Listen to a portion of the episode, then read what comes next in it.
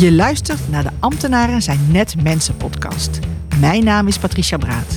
En als veranderdeskundige met inmiddels 20 jaar ervaring sla ik de brug tussen ambtenaren en actieve inwoners. In deze podcast ga ik in gesprek met specialisten en deel ik mijn eigen kennis en ervaring, zodat jij als gemeenteambtenaar geïnspireerd wordt om met plezier en enthousiasme jouw werk echt betekenis te geven. Heel veel luisterplezier.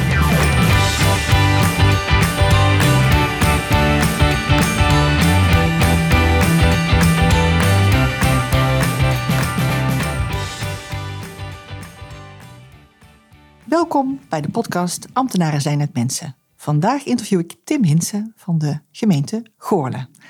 Tim, mijn eerste vraag is altijd: voel je je meer ambtenaar of voel je je meer mens? Oh, dat is een mooie vraag. Uh, ik denk dat ik me dan toch echt wel meer mens voel. Kijk, en waarom is dat?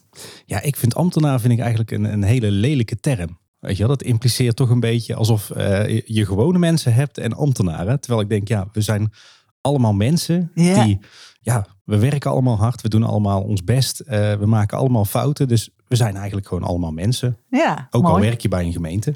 Ja, dus je, je de identificeert je niet zozeer met de rol, maar meer met eh, het werk wat je, wat je doet. eh. Ja, nou ja, Je, je noemt een bakker. Een bakker is ook gewoon een mens. En een loodgieter is ook gewoon een mens. En zo is iemand die bij de gemeente werkt, wat mij betreft, ook gewoon een mens. Je bent dan niet een soort van buitencategorie dat je je ambtenaar mag noemen. Nee, heel goed.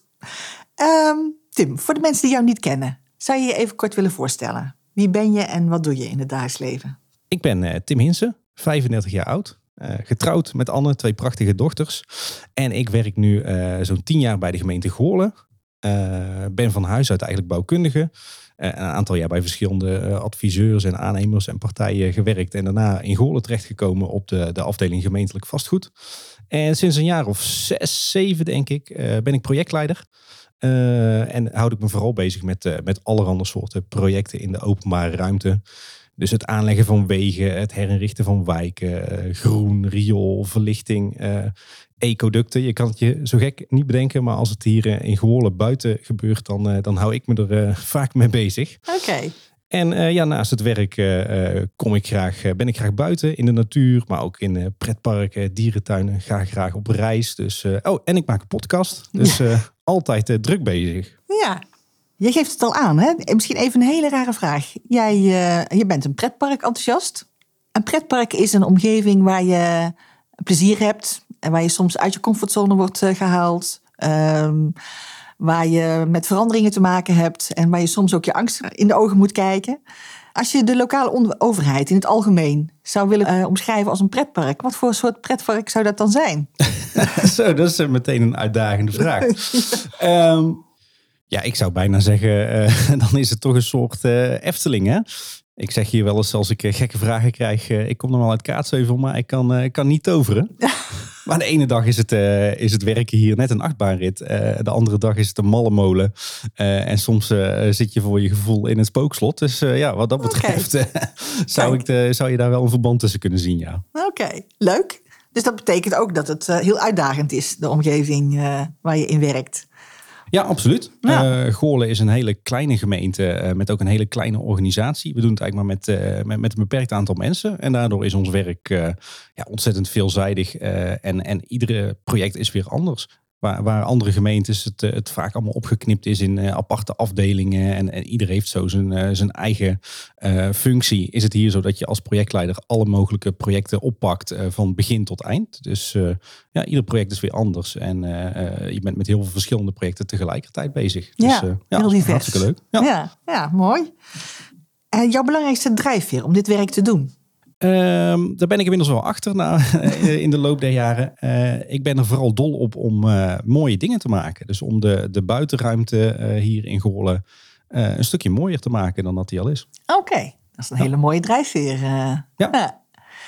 Eh, het ruimtelijk domein waar jij werkzaam bent, is ook een domein waar op dit moment heel veel eh, aan de gang is als het gaat over participatie met inwoners. Hè? Want alles wat jullie in de leefomgeving veranderen, heeft vaak ook direct invloed op, eh, op de leefwereld van, van de inwoner.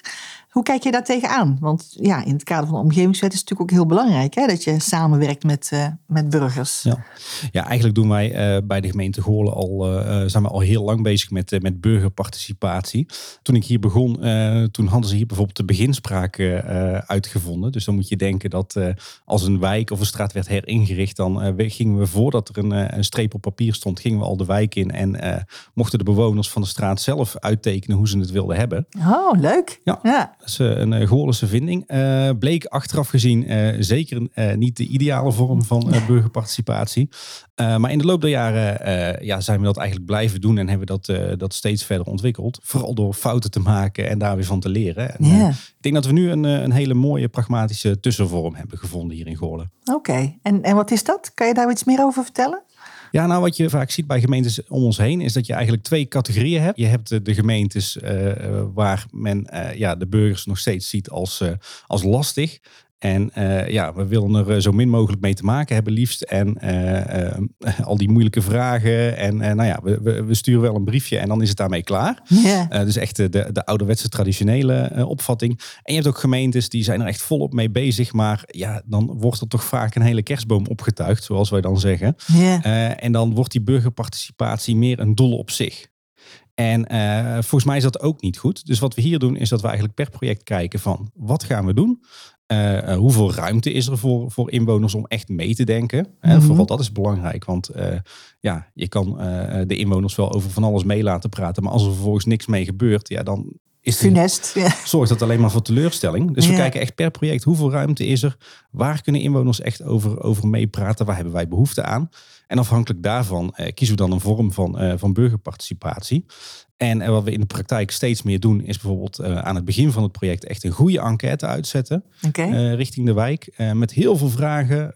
wat vindt u nu van de wijk of de straat? wat is er mis? wat gaat er goed? Wat zijn uw ideeën en uw wensen? dan trekken we de mensen die daar wonen echt helemaal leeg. Yeah. En dan gedurende het verdere ontwerpproces gaan we iedere keer als we weer een ontwerp af hebben, gaan we dat delen met de buurt. Gaan we vragen, wat vindt u ervan? laat het ons weten via mail, via telefoon. Kom bij ons langs. Of wij gaan bij u op de koffie.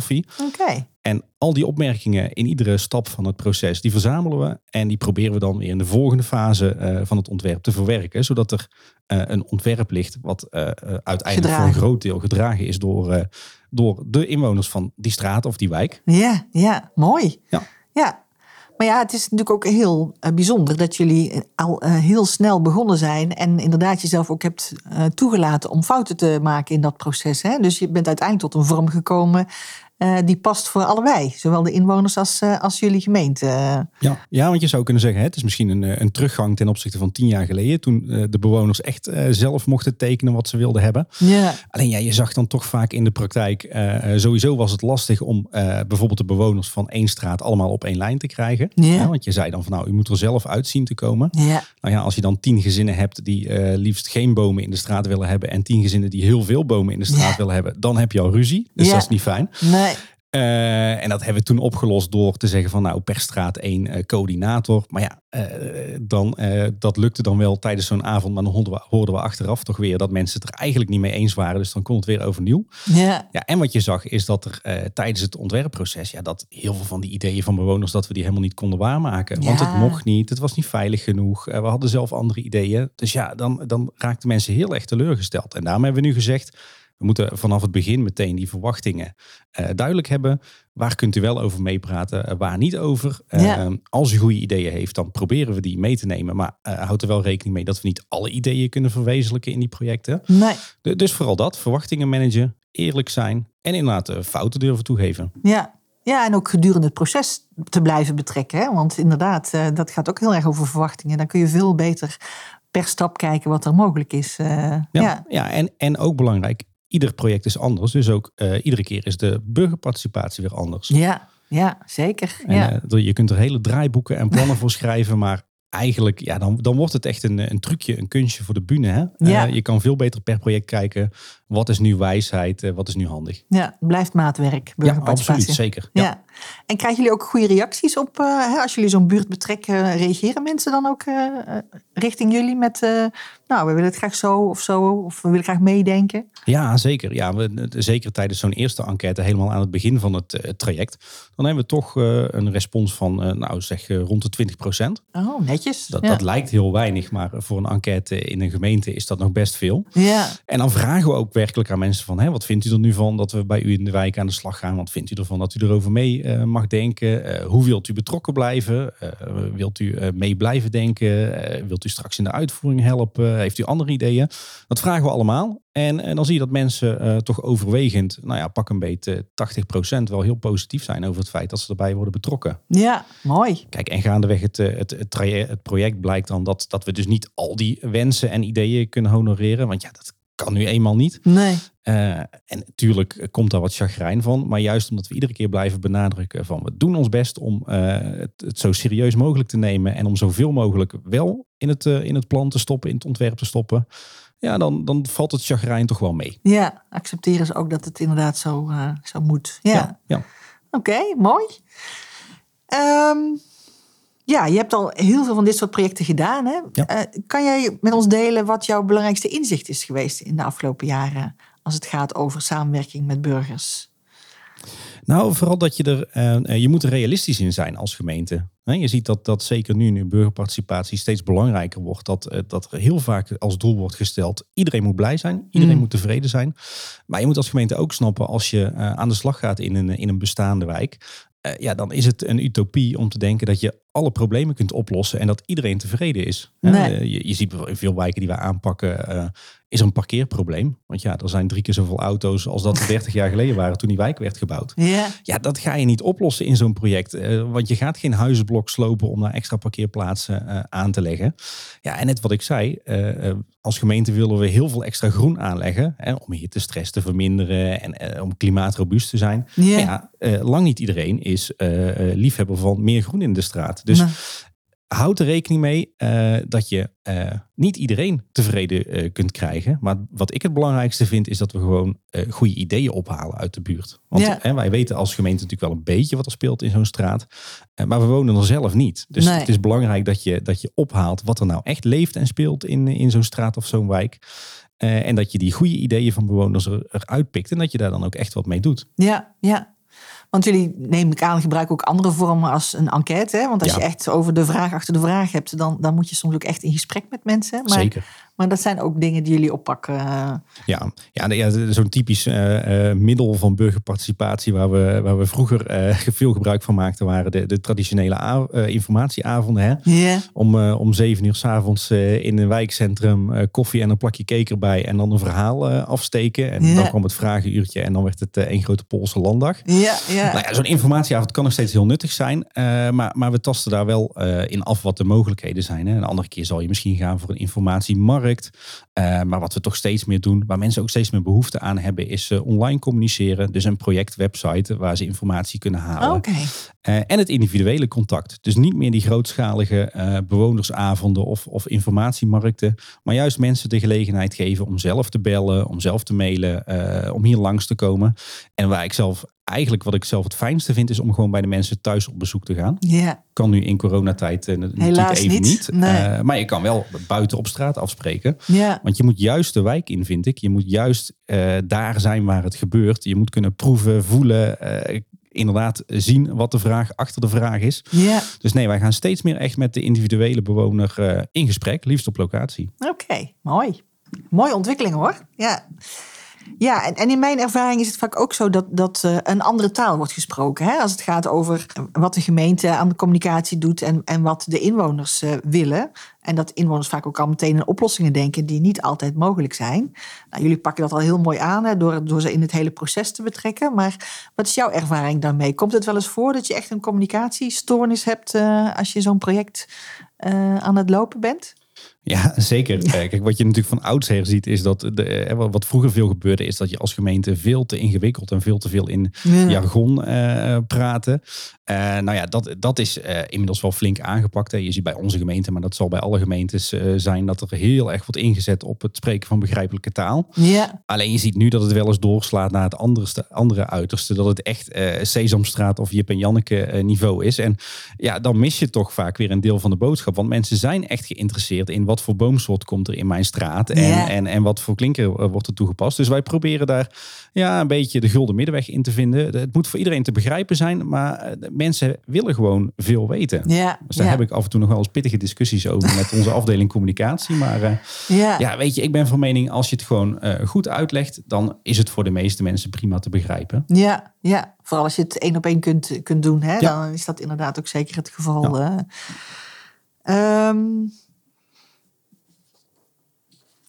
eh, als je het zou vragen aan jouw collega's of aan de mensen waar je mee samenwerkt, eh, eh, om jou te omschrijven, wat zouden ze dan zeggen? Wat zijn de elementen die jou definiëren?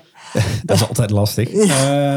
Nou, eh, ik denk, waar ik denk ik eh, eh, goed in ben, is projecten oppakken waarvan iedereen denkt, "Poeh, wat een, wat een flinke kluif, dat, dat, dat gaat, gaat me niet lukken. Ik vind het leuk om, om projecten te realiseren die, eh, die aan de voorkant niet heel haalbaar lijken. Ik vind het leuk om mensen dan toch te enthousiasmeren, om dan toch een, een list te verzinnen hoe we het toch voor elkaar krijgen.